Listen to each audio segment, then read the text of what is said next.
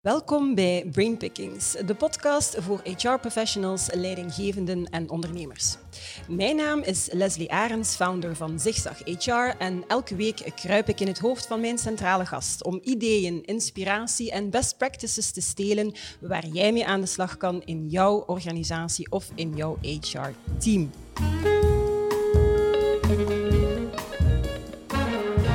Als HR-professional, leidinggevende of zaakvoerder ben je natuurlijk ook maar beter beslagen in alles wat te maken heeft met sociale wetgeving en arbeidsrecht.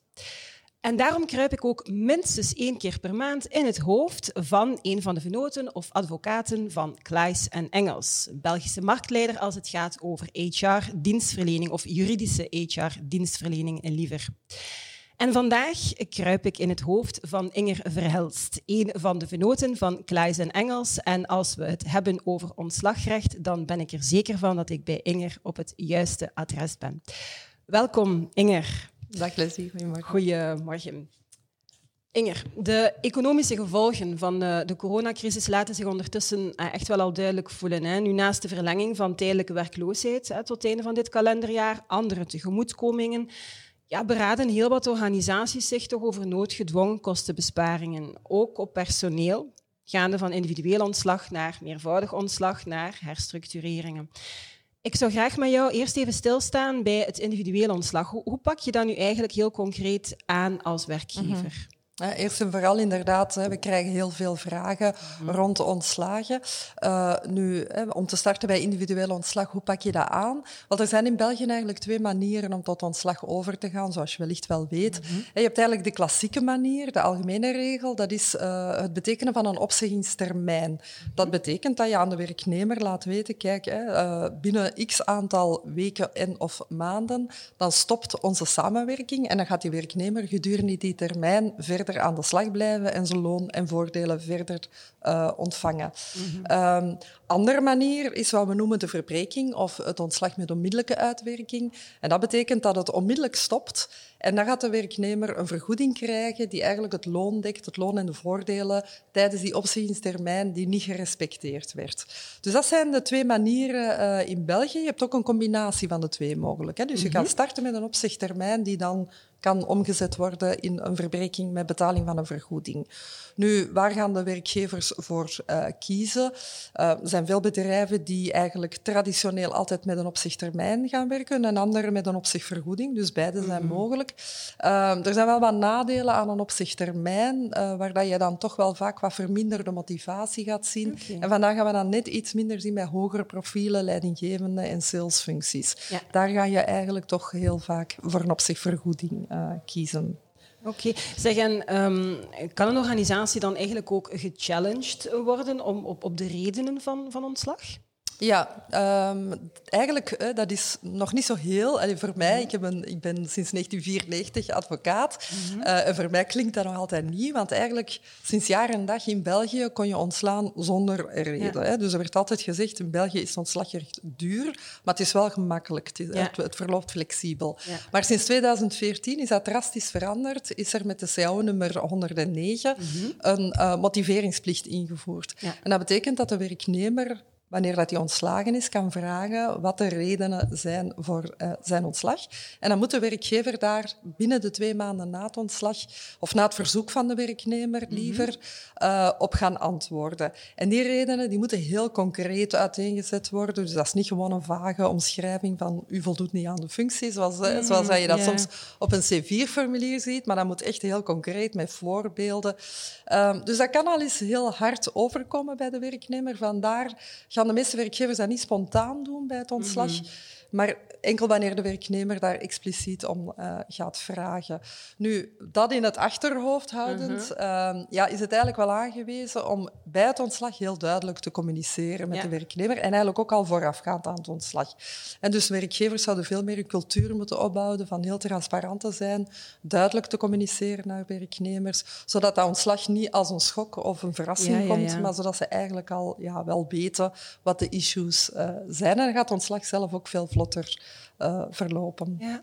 ja, want wat ik mij dan ook um, kan inbeelden is dat als je dan een, een, een, cultuur hebt van heel veel transparantie, maar je gaat dan bijvoorbeeld niet de, de gewoonte aankweken om dat dan ook telkens schriftelijk hè, te, mm. te gaan vastleggen, ja, dan kan ik me inbeelden dat je soms met goede bedoelingen wel in een situatie komt waarin dat het wat moeilijker is om dat te motiveren. Heb, heb je zo nog, nog dergelijke tips of andere tips? Uh, absoluut. Uh, wat je aanhaalt, daar maken wij heel regelmatig mhm. mee. Uh, Belgische werkgevers hebben nog niet zo de cultuur om dat te documenteren, zoals je dat wel bijvoorbeeld in Nederland ziet, mhm. omdat ze daar al langer met een motiveringsplicht werken. Ehm, dus een tip daar is om inderdaad niet alleen mondeling te communiceren, maar dat ook vast te leggen. Um, eventueel door, ja, door vaste feedbackmomenten uh, in te bouwen. Hè, want dat komt minder hard aan dan elke keer een e-mail te sturen. Um, van een verslaggesprek op te maken. Van ook duidelijk de verbeterpunten mee weer te geven. En die zaken gaan heel, heel goed helpen bij een dossieropbouw. Uh, want wat is het risico natuurlijk als je niet motiveert of mhm. als je de redenen die je aanhaalt eigenlijk niet kan bewijzen, dan kan de werknemer proberen om een extra vergoeding te bekomen bovenop het ontslag. Dus bovenop die op opzegtermijn of die opzegvergoeding, kan die werknemer dan proberen mhm. een vergoeding kennelijk onredelijk ontslag te bekomen. En die kan gaan van drie tot 17 weken loon. Ja, dus dat is toch een extra kost voor, uh, voor werkgevers. Die je liever vermijdt. Ja, die je liever vermijdt. uiteraard. Oké. Zoals het er vandaag naar, uh, naar uitziet, zullen sommige bedrijven helaas niet anders kunnen hè, dan over te gaan tot collectief ontslag. En daar zijn toch wel heel ja, zware en echt heel strakke procedures van toepassing. Daar komt ongelooflijk veel bij kijken. Ik zou met jou eens willen um, in kaart brengen, of, of kan je eens toelichten, ja, wanneer is er nu aan concreet sprake van een collectief ontslag? Uh, en dan vooral, wat is die procedure die gevolgd moet worden? Ja. Gaat een beetje technisch worden. Ja, hè? Dus de definitie van collectief ontslag. Wanneer heb je een collectief ontslag? Wanneer dat je een aantal werknemers gaat ontslaan in een periode van 60 kalenderdagen. Mhm. Dus dat kan eender welke periode zijn. Dat hoeft niet twee maanden te zijn. In eender welke periode van 60 kalenderdagen kan die telling gebeuren. En dan, dus dan gaat het om wat is dan de drempel voor het collectief ontslag? Dat hangt af van het aantal werknemers in de organisatie. Mhm. En daar heb je drie drempels. Uh, heb je een onderneming met uh, eh, 20 tot 100 werknemers, dan is de drempel 10. Hè. Dat wil zeggen, uh, als je dan tot 10 of meer ontslagen gaat overgaan in een periode van 60 dagen, dan heb je een collectief ontslag.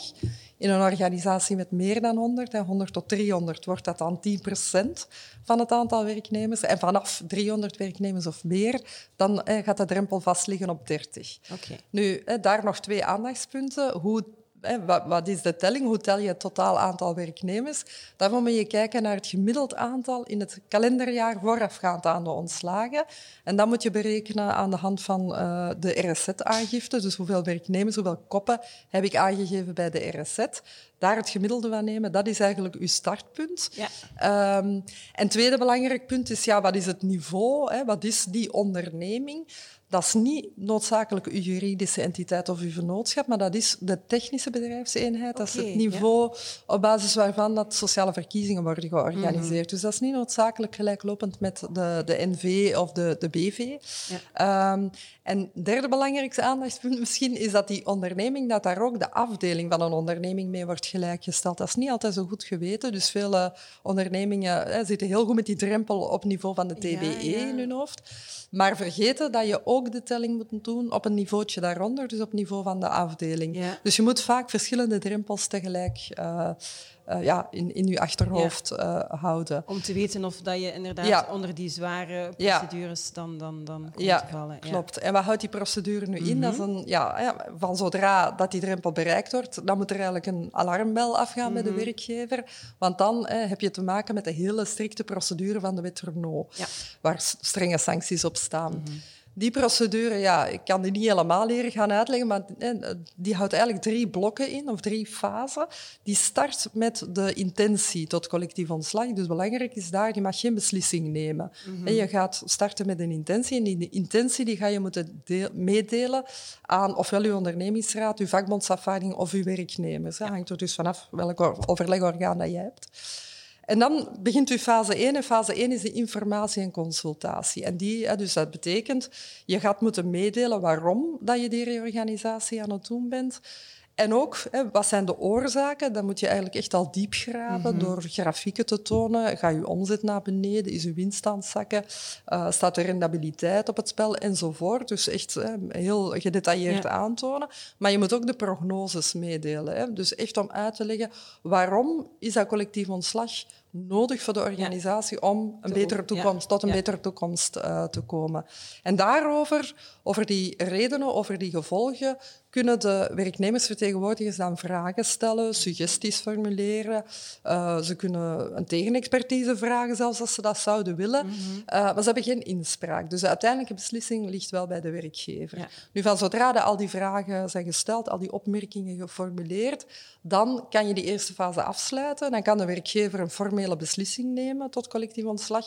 En dan begint wat we noemen de tweede fase, de negociatie van een eventueel sociaal plan. Ja. Een sociaal plan, dat zijn dan begeleidingsmaatregelen om hè, de geïmpacteerde werknemers, de werknemers die ja, het slachtoffer zijn van het collectief ontslag, extra begeleiding te gaan aanbieden.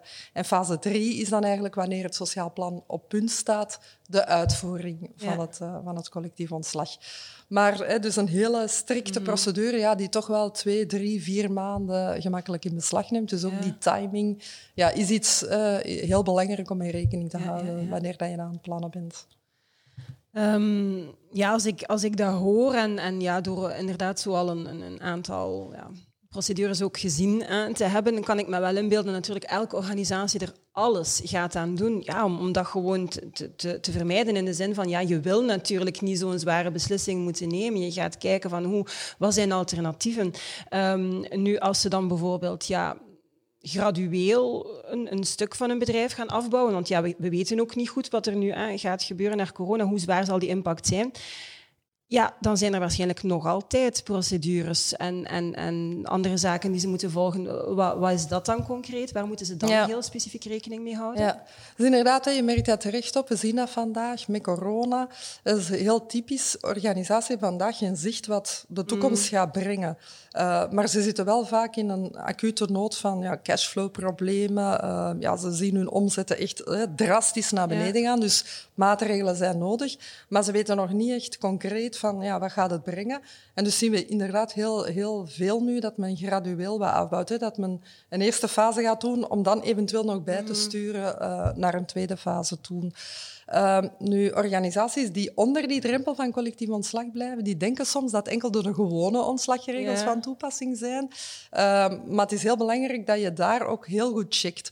Uh, vooral op vlak van sector. Hè. We zien daar, Ja. en dat verschilt natuurlijk van Ja. organisatie tot organisatie, we zien daar in veel paritaire comité's dat daar specifieke regels zijn, specifieke procedures die van toepassing gaan zijn bij ontslag om economische technische reden. Mhm. Of sommigen hebben een, een zogenaamde procedure van meervoudig ontslag. Ja. Dat is dan eigenlijk ja, geen collectief ontslag, maar net, net daaronder.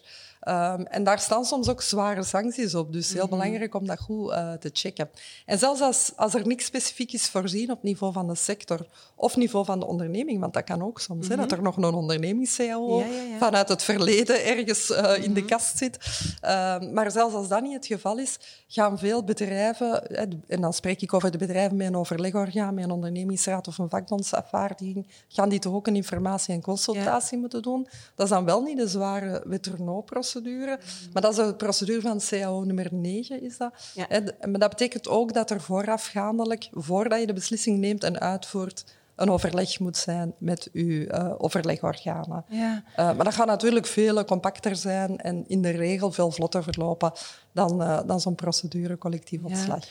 Nu, ik kan me inbeelden, eh, je hebt het denk ik ook al een aantal keer aangehaald, transparantie is sowieso belangrijk, communicatie is, is, is ook belangrijk. Dus ik, een, een, werkgever heeft er alle baat bij om zo transparant mogelijk te gaan communiceren.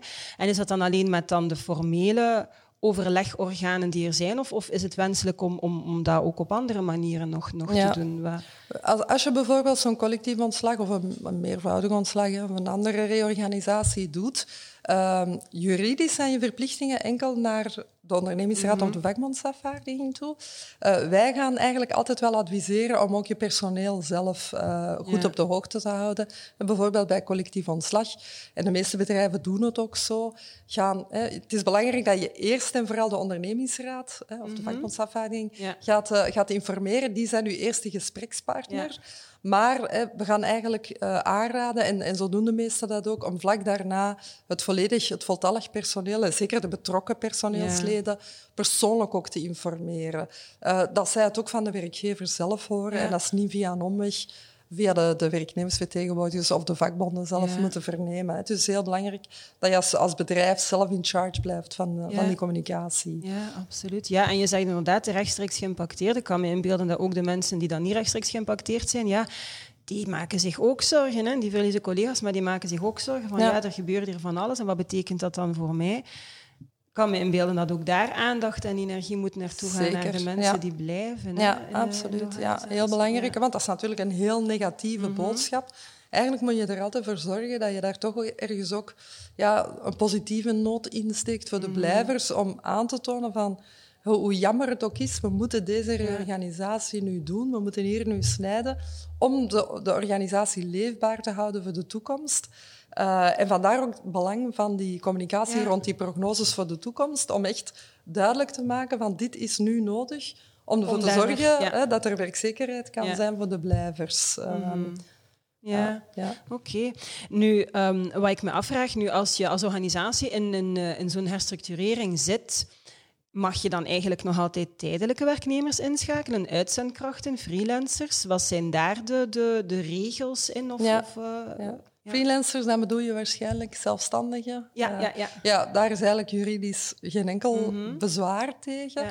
Ehm, uitzendkrachten moet je enkel mee rekening houden dat uitzendkrachten eigenlijk enkel mogen aangeworven worden wegens bepaalde motieven. Hè. Dus dat mhm. kan zijn de vervanging van een werknemer die geschorst is ook daar, ja, er is geen enkel bezwaar als er iemand moet vervangen worden. Kan dat nog altijd gebeuren wanneer je een reorganisatie hebt aangekondigd. Mhm. Wat misschien wel wat delicater is, is, en dat is ja, een veelgebruikte vorm van uitzendarbeid, dat is wanneer je een beroep gaat doen op uitzendkrachten wegens tijdelijke vermeerdering van werk. Als je natuurlijk zegt van ja we hebben een gebrek aan werk, waardoor dat we functies moeten schrappen en je gaat dan tegelijkertijd uitzendkrachten inzetten. Ja, gaat een beetje contradictoire werken. Bovendien ga je uh, in sommige gevallen een akkoord van een vakbondsafvaarding nodig hebben voor het inzetten van die uitzendkrachten wegens tijdelijke vermeerdering van werk. Dus ook daar gaan die vakbonden ja, wellicht niet echt, uh, niet echt toestemmen in het, uh, in het werkstellen van die uitzendkrachten. Maar zij moeten toestemmen op dat het mag? Eh, ja, ze moeten toestemmen. Nu in de praktijk gebeurt dat meestal impliciet. hè? Dus zijn daar niet al te veel formaliteiten aan verbonden. Mhm. Ehm, en in de regel gebeurt dat ook vrij vlot in de ondernemingen. Maar natuurlijk, als je een reorganisatie aankondigt, dan ligt het wat gevoeliger. En vandaar, eh, zelfs zonder heel die juridische uh, redenering, gaan veel organisaties inderdaad toch wel, uh, als ze vaste werknemers gaan schrappen, eerst die freelancers en die uitzendkrachten uh, en de tijdelijke werknemers uh, op non-actief zetten. Ja, Dat zien we toch wel vaak gebeuren. Oké. Um, ja, je zegt het zelf, je bent al best een paar jaar hè, bezig. Um, als je nu zo terugblikt um, ja, op het verleden, de lessen die je daar kan uitleren en, en waar dat we nu helaas uh, middenin zitten, wat zijn zo een aantal tips of aandachtspunten die jij graag op basis van jouw ervaring zou meegeven aan HR-professionals en, uh, en zaakvoerders die nu aan het luisteren of aan het kijken mm, zijn? Mm. Ik denk dat ik eigenlijk ja, drie tips kan, kan mhm. meegeven. Ik denk dat dat geldt zowel bij collectief ontslag als bij individueel ontslag. Eerst is er een, een ik denk dat dat logisch is, een zeer goede voorbereiding, maar ook bij een individueel ontslag. En eigenlijk op twee vlakken. Eerst hebben we een dossier. Is er een reden om tot ontslag over te gaan? Zeker ook checken of de werknemer geen ontslagbescherming geniet. Mhm. Nu met uitstel van de sociale verkiezingen is dat misschien niet meer zo visibel. Maar Daar kijk gaan we het in een volgende podcast uitgebreid over hebben. ja. check toch of die niet op een lijst uh, staat. Uh, of nog bij de vorige verkiezingen op een lijst heeft gestaan. Maar ook, hè, is dat iemand met tijdskrediet of ouderschapsverlof, dan gelden er strengere uh, regels. Maar anders buiten die ontslagbescherming, ja, zijn de regels die ik net besproken heb mhm. met jou. Dus de motiveringsverplichting. Dus check of dat er een voldoende dossieropbouw uh, is. En tweede is de kost. Hè. Zeker als je, zelfs als je een opzegtermijn wil betekenen, houd toch altijd rekening met de mogelijke kost van de opzegvergoeding. Mm en daar zien we dat er in de praktijk nog, nog vaak wat fouten worden gedaan bij de berekening Ehm, het is niet alleen het vaste loon natuurlijk dat je moet in aanmerking nemen, maar alle voordelen. Dus dat betekent ook het variabel, maaltijdchecks, eh, de groepsverzekering, hospitalisatieverzekering enzovoort. Um, dus een goede berekening, goede voorbereiding van het mhm. dossier. Twee, ehm, is dan die communicatie, waar we het al een paar keer over gehad hebben. Uh, waar het ideaal eigenlijk zou zijn dat die communicatie op voorhand al zodanig goed is voorbereid dat die werknemer eigenlijk al weet wat hem te wachten staat. Nu natuurlijk, nu met corona, ja, hè, mm. zijn er heel vaak onverwachte omstandigheden. Nu ook daar, als het economische redenen zijn, uh, ligt toch heel goed uit aan die werknemer waarom dat precies zijn functie uh, gaat geschrapt uh, worden. En probeer dat mondeling te doen om eigenlijk heel die schriftelijke motivering die vrij hard is om dat, uh, om dat te vermijden. Of om het verrassingseffect. Uh, ja, dus die, die communicatie ja, op voorhand ja, is om het verrassingseffect ja, te vermijden. Maar ja, als je dat niet kan vermijden doordat het ja, toch mm -hmm. plots noodzakelijk is, eh, omwille van bijvoorbeeld economische, technische redenen, ook daar dan tijdens, eh, organiseer altijd een gesprek. Het is niet juridisch verplicht. Maar wij raden ook altijd aan, probeer ja. toch een gesprek te doen met de werknemer om uh, het ontslag te kaderen, mm. om goed uit te leggen wat dat er uh, staat te gebeuren. Bijvoorbeeld als er een, een, vergoeding gaat betaald worden, om goed uit te leggen wat er allemaal in die vergoeding uh, inbegrepen is. En die werknemer gaat zich veel meer ja, op zijn gemak gesteld ja. voelen, gaat, gaat zich geruster uh, ja. voelen. En dat brengt me dan eigenlijk bij mijn laatste stap. Mm -hmm. Dat is vanuit een juridisch uh, oogpunt is het altijd aangewezen om te proberen tot een akkoord te komen met de werknemer. Uiteraard moet die werknemer niet akkoord gaan met zijn ontslag, maar wel met de manier waarop het geregeld ja. uh, wordt. Ja. En als je daar inderdaad aan de werknemer goed kan uitleggen ja, we konden niet anders dan het ontslag doorvoeren. Um, en dit is wat we nu gaan doen. Dit is de berekening die we hebben gedaan. Uh, alles zit erin hè, dat erin moet zitten. Mm -hmm. uh, we gaan het zo doen. Eventueel geeft je nog een extra incentive door bijvoorbeeld te zeggen dat hij de wagen nog even uh, nog ja. wat langer kan houden. Of je gaat de groepsverzekering doorbetalen als dat, kan, mm -hmm. als dat voorzien is in de, in de polis. En die, dan gaat die werknemer zich correct en fair behandeld voelen. Ja. En dan kan je die afspraken mooi op papier zetten en vermijd je discussies achteraf, ja. vermijd je ook die motivering uh, enzovoort. Ja. Dus dat zijn eigenlijk, ja, dat is de manier waarop dat, ja, dat ik aanraad om een ontslag uh, aan te pakken, zowel individueel als, uh, als collectief. Ja, mooi, inderdaad. Ja. Iedereen wil zich uiteindelijk correct behandeld voelen. Hè? En als je dan slecht nieuws krijgt, maar dat is op een correcte, eenduidige manier, ja, dan dan, dan ja. gaat je dat makkelijker ja. binnen. Uh, ja, en stel dat die werknemer toch nog wat opmerkingen heeft, uiteraard mm -hmm. het staat die werknemer ook vrij ja. om, om, die, om het voorstel van de werkgever te bekijken. Ja, dan gaat dat ineens kunnen opgelost worden, kan je dat ineens mee opnemen in die regeling. Um, en dat is toch ja, fijner ook voor de twee partijen ja. dan dat zoiets nog ellenlang moet uh, aanslepen Absoluut. of dat het uitmondt in een gerechtelijke procedure. Ja. Um, waarmee dat ik niet zeg dat ik niet graag procedures doe, maar ik denk in belang van, van werkgever en werknemer is het eigenlijk beter uh, als je daar een akkoord over ja. kan vinden en die procedure voor de rechtbank kan vermijden. Oké, okay. dankjewel. Um, Inger, ik vond het in ieder geval heel helder um, uiteengezet. Nu, ik kan me inbeelden mensen die er toch nog even wat, wat, dieper willen op ingaan en die nog vragen hebben. Jullie hebben ook een specifieke website daarover, ja. dat is www.opzegging.be. Klopt. Um, ze kunnen zich ook abonneren op jullie newsletter en die specifiek updates over ontslagrecht geeft. Maar ze kunnen ook in gesprek gaan met jullie chatbot, hè? Ja. Jerry. Jerry, dat is niet toevallig gekozen uh, die naam is uh, vernoemd eigenlijk naar een van de oprichters hè, van, ja. uh, van Klaes en Engels toen het in 2001 ja. opgericht werd. En uiteraard kunnen de mensen ook met, met jou contact opnemen of met een van de andere venoten bij Klaes en Engels. Ik, um, ik denk dat we, dat we er zijn um, voor deze uh, brainpicking in jouw brein, Inger. Um, Dank je wel ook aan jullie om uh, te luisteren en te kijken. De volgende keer kruip ik opnieuw in het hoofd van een uh, vennoot en zelfs managing partner van Kluis en Engels zal Olivier Wouters zijn. En dan gaan we het hebben over alles wat te maken heeft met de sociale verkiezingen. Vond jij deze podcast interessant? Uh, abonneer je dan zeker op ons kanaal of op ons YouTube-kanaal. Zo blijf je absoluut op de hoogte van elke volgende update. En ondertussen, don't forget, it's a great time to be in HR.